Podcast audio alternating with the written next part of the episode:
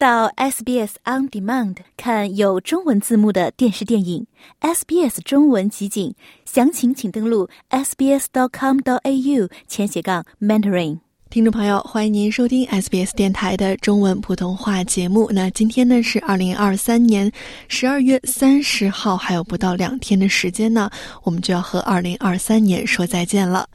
那在过去的一年中呢，我们的故事栏目啊是采访了几十位在澳洲的华人，分享他们独一无二的人生故事。那其中呢，就包括退休之后来到澳洲帮忙照顾孙辈的快乐姥姥 Jenny，在澳洲出生长大的二代移民演员卢柏林，也有曾经担任中国南极昆仑站副站长，现在在澳洲从事极地旅游业务的曹建熙，以及呢，在十月份参加了。墨尔本马拉松比赛的视觉障碍跑者陈慧欣，那在二零二三年的年末呢，我们就一起来回顾一下他们的故事。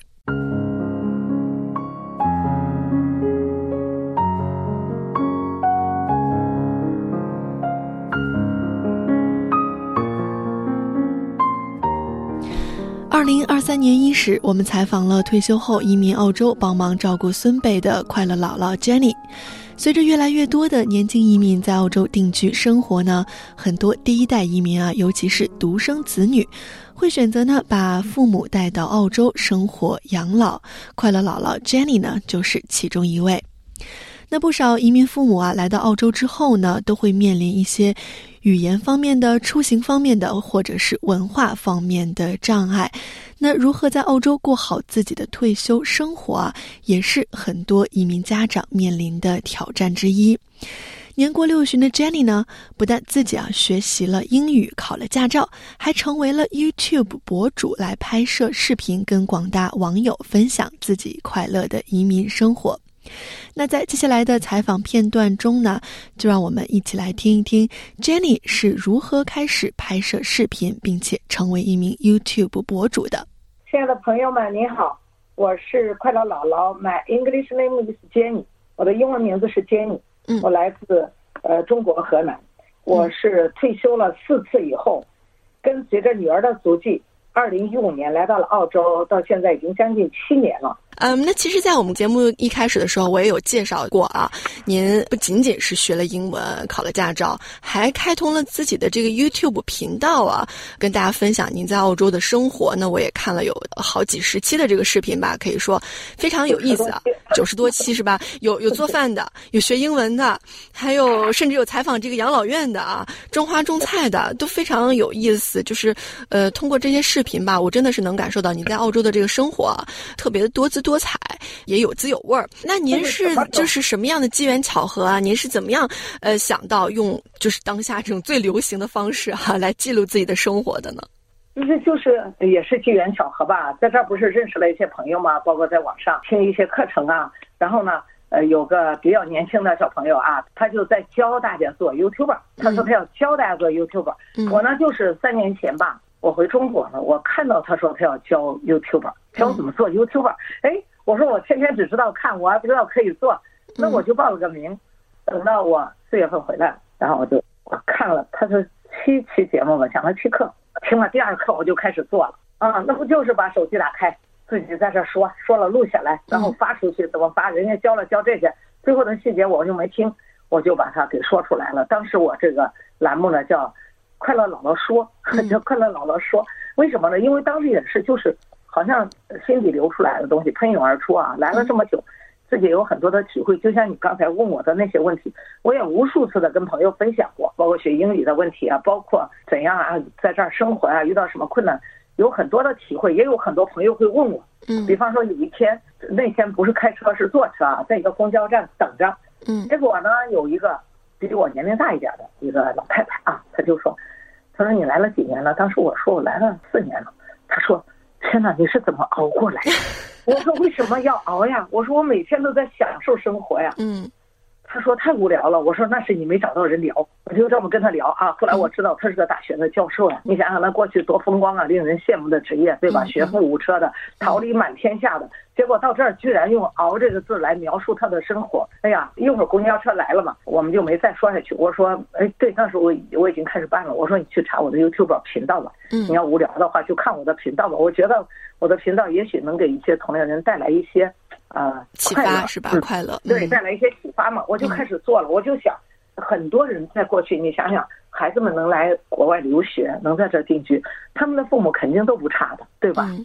肯定有相当的啊各方面的才能啊实力啊。但是来到这里以后，很多人不会开车，啊不会说话，不会说话，不会走路，甚至有的有的连坐车都不会。嗯，那就整天闷在家里，只是带娃呀、做家务呀，那真的会很郁闷的。他用“熬”来形容，我非常能够。理解他，虽然我不是那样的感受，我理解到很多人都是这样的，所以呢，我就试着去做吧。嗯，因为我发现这个东西呢，我也是 baby。嗯，因为 YouTube 最起码对我来说是个全新的东西，对每一个没有做过的人来说，它都是一个新的东西。大家都是从。可能你做功课做的多一点，你开始好一点，但是没关系，它就是起步，你就是播下了一颗种子。嗯，这开始就是最好的开始嘛。我不指望我一开始我就拿出来的高大上的东西啊，发自内心的真实的自己给大家展示一下，就是把自己的心里话说出来。为什么叫快乐姥姥说呢？就是想帮更多的姥姥们快乐起来啊。当然包括姥爷，也包括爷爷奶奶，在英文里头，他不都叫？grandma 嘛，对吧？grandparent，对吧？嗯嗯。所以咱也别分姥姥奶奶，也别分姥姥姥爷啊。其实呢，就分享一下，能够给大家带来点快乐，这就我最初的想法。所以呢，那我也就呃，真的跟大家互动很多的。我第一期发出去就很多人回馈啊。嗯。呃，我就说你们想要什么，我就做什么。大家的需求就是我努力的方向，哎，大家的支持就是我前行的动力。然后呢，你看后来怎么做？比方说，哎，这个联谊会聚会呢，大家不都聚餐吗？每个人带着自己的拿手好菜就去了。我呢就做了个快乐姥姥牌的牛肉干，端去了，大家都说好吃好吃，谁都问我呀，怎么做的，怎么做的？我给每个人说一遍，说了三遍，我说不能再说了，累死我也做不了几个人，我把它做成视频发出去，到现在还在那，很多人都给我反馈，他学了以后做的特别好吃啊。咱按照西人的做法，什么多少克呀，什么多少，对不对？有有菜单，有食材，有流流程。这样的话，大家都学会了。我觉得这样呢，我还可以节约时间，节约生存成本，用最省劲的方法去帮到更多的人。听众朋友，以上您收听到的是快乐姥姥 Jenny 啊，跟我分享自己呢是如何在澳洲学习拍摄视频，并且呢成为一名 YouTube 博主的经历。完整的采访内容呢，您也可以在我们 SBS 中文网站上收听。那我们推荐的搜索关键词呢是 SBS 我们的故事。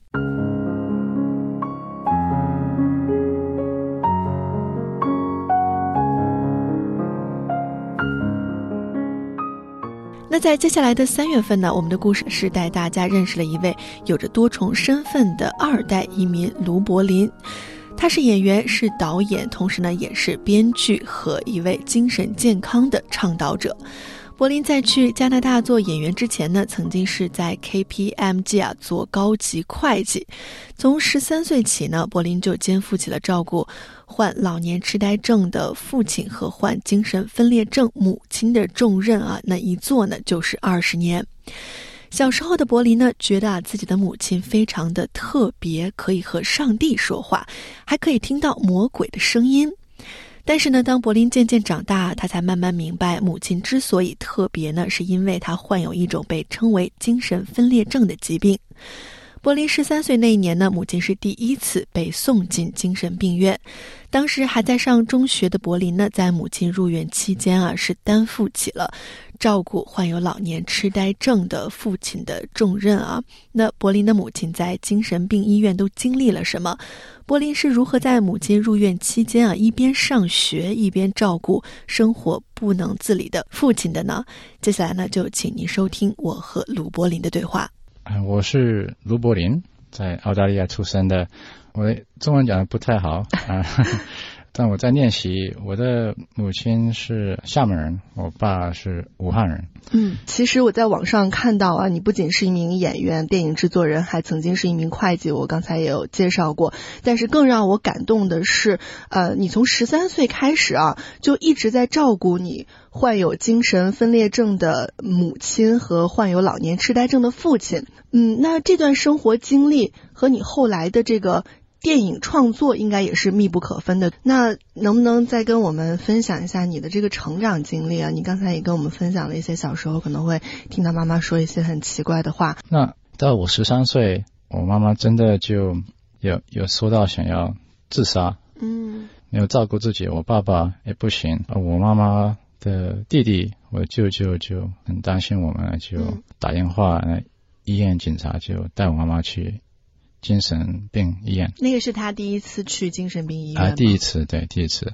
那一天，呃，十三岁，我放学回来，我都不知道，只是回来的时候看我爸爸躺在那个沙发上，嗯，妈妈不在，啊，我问我爸，妈妈在哪儿？他说去医院了。那个时候你爸爸的情况怎么样？他痴呆症，就他要是去厕所，不知道去厕所在家，他就会在厨房大便。嗯，那十三岁的时候，那一个月。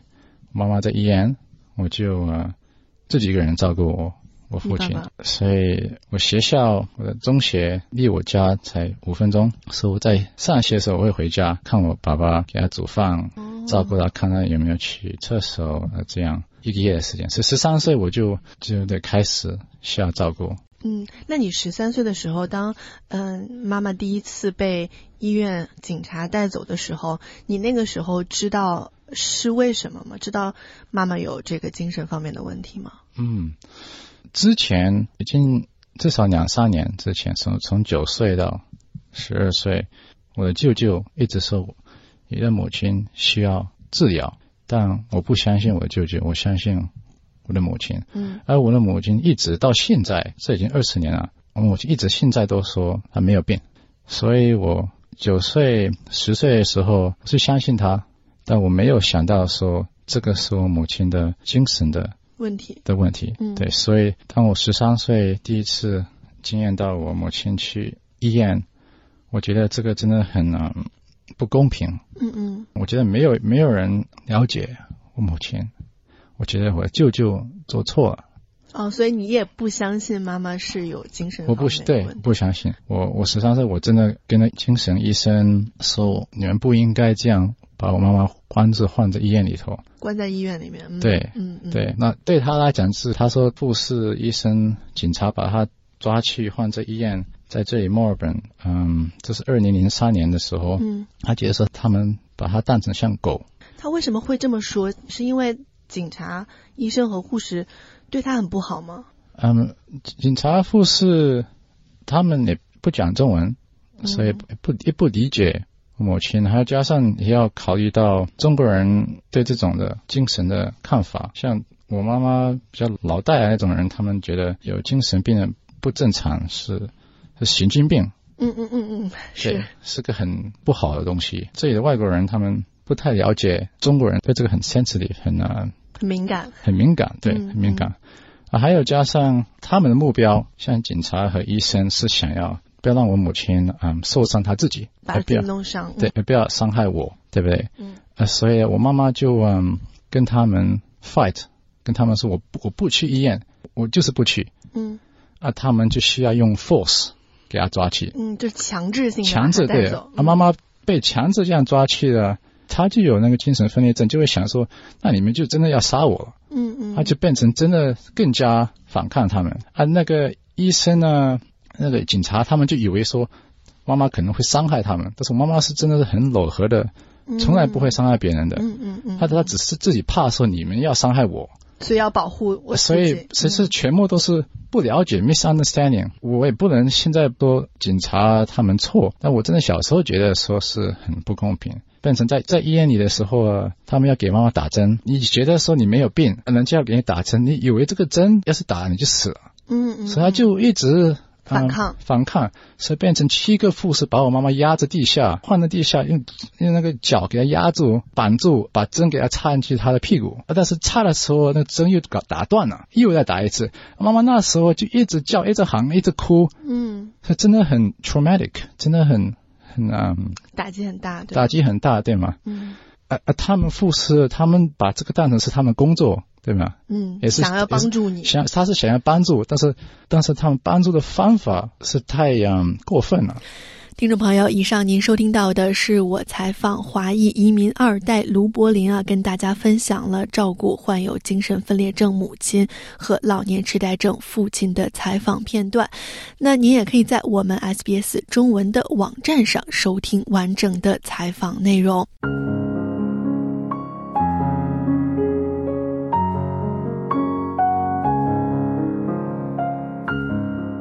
接下来呢，我们的故事栏目啊，是透过前中国南极昆仑站副站长的讲述呢，为大家揭开了南极大陆的神秘面纱。南极大陆位于地球的最南端，离我们澳大利亚呢，其实并不算遥远啊。南极呢，也是一片最晚被人类发现的大陆，因为常年有冰雪覆盖啊，南极呢，也是被称为白色大陆。那自南极被发现以来呢，人们是从来没有停下探索这片大陆的脚步啊。不过，南极对于很多人来说呢，是一片可望而不可及的冰雪大陆。不过近年来呢，除了科考人员之外啊，也有越来越多的游客登上了这片大陆。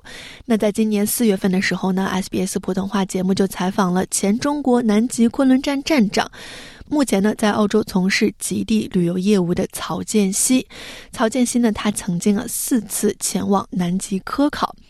在节目中呢，曹建熙是跟大家分享了他是如何与南极结缘的，以及呢在那里经历的一些生死瞬间。同时啊，曹建熙还谈到了自己改行成为极地向导的原因。接下来呢，就让我们一起来听一听采访中的精彩片段。其实我跟南极的话，我觉得有三段不同的经历，在不同时期。嗯，呃，最开始呢，就是呃，我大学毕业以后，就是到嗯中国极地研究中心工作。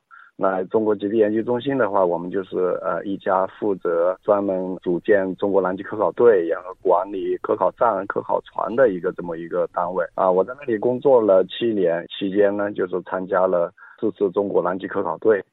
之后呢，就是来了澳洲。来了澳洲以后呢，一开始是因为一位队友介绍，然后呃，就是偶然的机会到了南极游轮上面工作。嗯，尤其是因为呃中国游客的增长，然后呢，他们迫切希望就是有这种会说中英文的，同时又有南极经验的工作人员。所以呢，我当时就到了船上去工作了几年。嗯嗯，对，工作几年以后呢，然后就过渡到第三段，就是后来我觉得就是我可以开展一番自己的事业，所以我。就注册了呃公司，然后我就呃自己组团，现在就是带游客，嗯，每年去南北极旅游。呃，这么一个情况，对，您这个总结的非常的精确啊。那我们今天就根据这三段经历来聊一聊好了。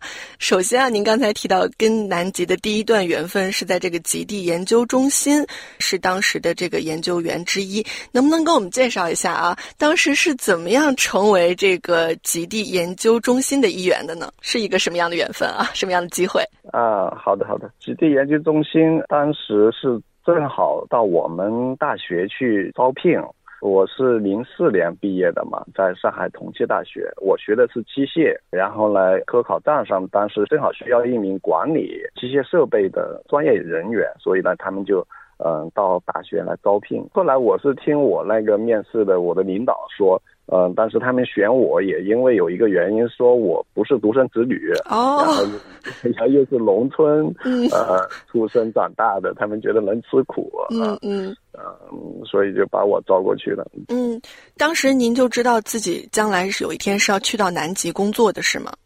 呃，当时知道的，但是我应聘的时候，我也是有点冲着这个目的，因为我是从农村到上海，当时毕业以后其实有点茫然，不像我觉得可能在城市里出生的小孩，他们家长会给他们很多信息，毕业以后怎么找工作啊，嗯，做对。那对我来说有点茫然。但是呢，我又不是很向往在写字楼里的工作。嗯，除了这单位，另外挑选的工作也是这样，就不是在正常人看来正儿八经的朝九晚五，朝 朝九晚五的工作，对。像我甚至那个选了部队呀，还还有国安什么的啊。嗯。但是嗯，这个极地研究中心是我最想去的，就是因为有一个因素，就是说到时候会要派往现场去工作，我很想去。很想去。嗯，其实我觉得在很多人看来，就包括我自己啊，觉得去南极真的是触不可及的一个地方，只能是说去科考或者是那些探险的人才能够到达南极，特别是在您毕业的那个年代。我想去南极，可能确实不是一件容易的事儿。那您还记得是什么时候啊？第一次去到南极是在这个极地研究中心工作了几年之后才前往南极的吗？嗯，对，到极地研究中心工作是零四年七月嘛，然后呢，我当时就报名了，我去了，我们领导还挺担心的，就是说，哎呀，你先了解了解，事情想好了，想清楚了，对吧？因为我们当时去申请南极科考，你还得家长签字，好像是那种像立生死状那种感觉似的啊，有那种危险啊什么的。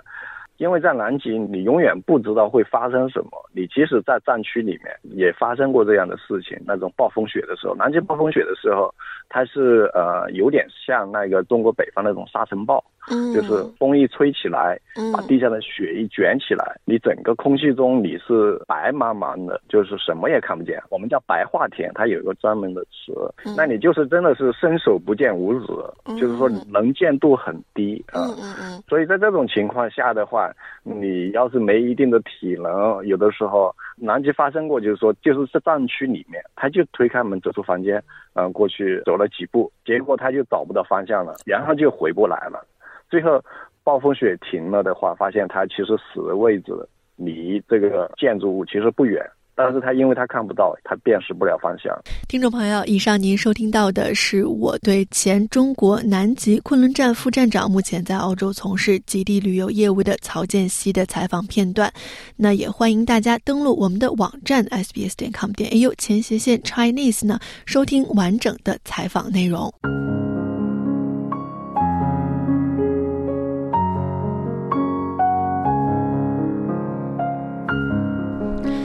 每年十月啊，澳洲春暖花开，墨尔本呢都会迎来一场马拉松比赛。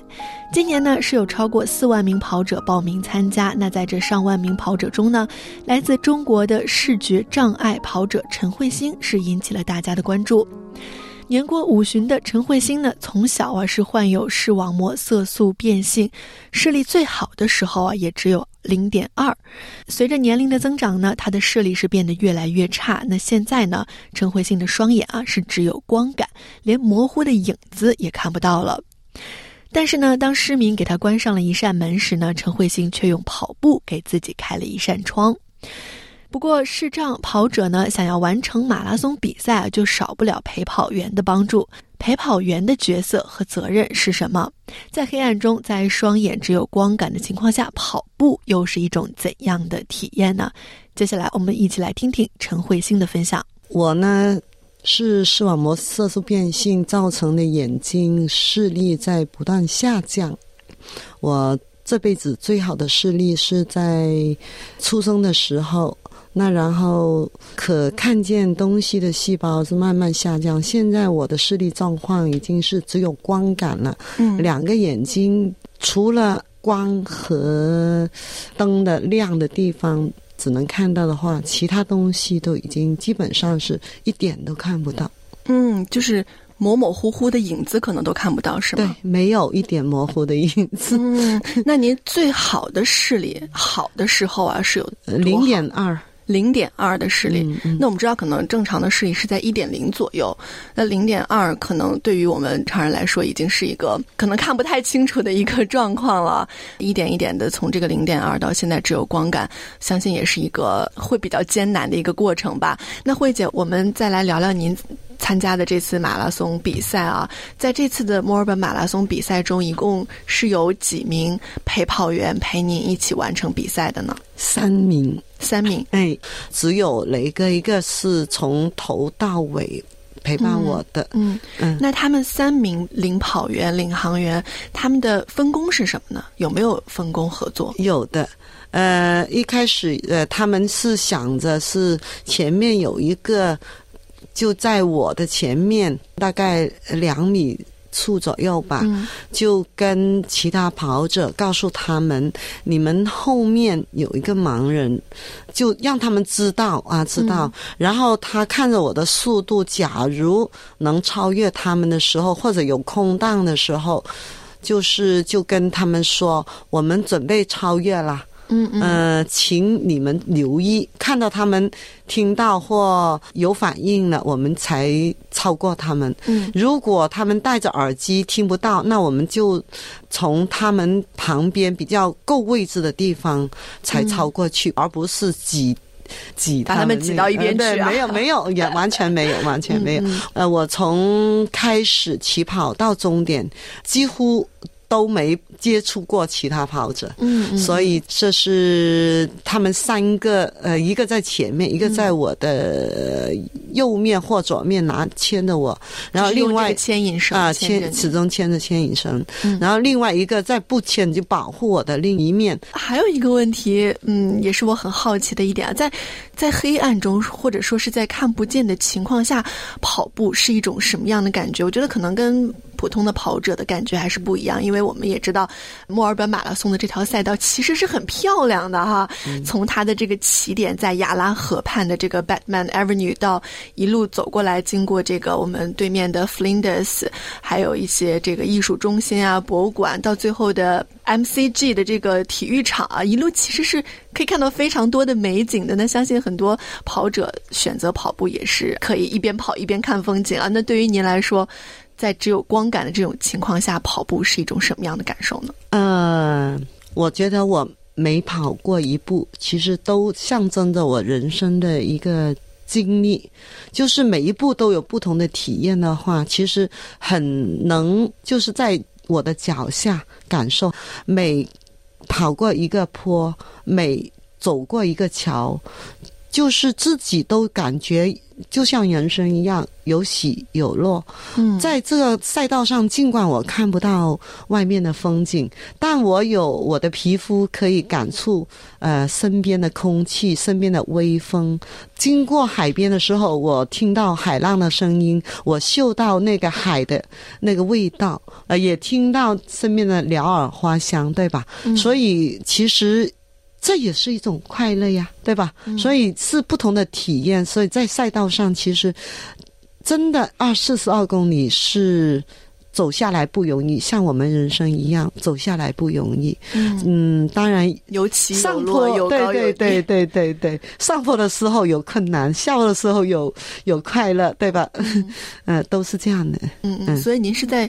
完完全全的享受这样一个跑步的过程，对，嗯，每跑一步可能都是对您自己的一个挑战，可以说自己跟自己比较，只要比自己上一步跑得好，可能对您来说就是成功的一部分了。对。听众朋友，以上您收听到的是我对参加墨尔本马拉松比赛的视觉障碍跑者陈慧欣的采访片段。您也可以在我们 SBS 中文的网站上收听完整的采访内容。我们的故事未完待续。想在 SBS 当一回影评人吗？SBS On Demand 正在推送配有中文字幕的热门影视作品。您只需观看一部或以上影视作品，并把影评观后感发给我们，就有机会赢得一份 SBS 精美礼品。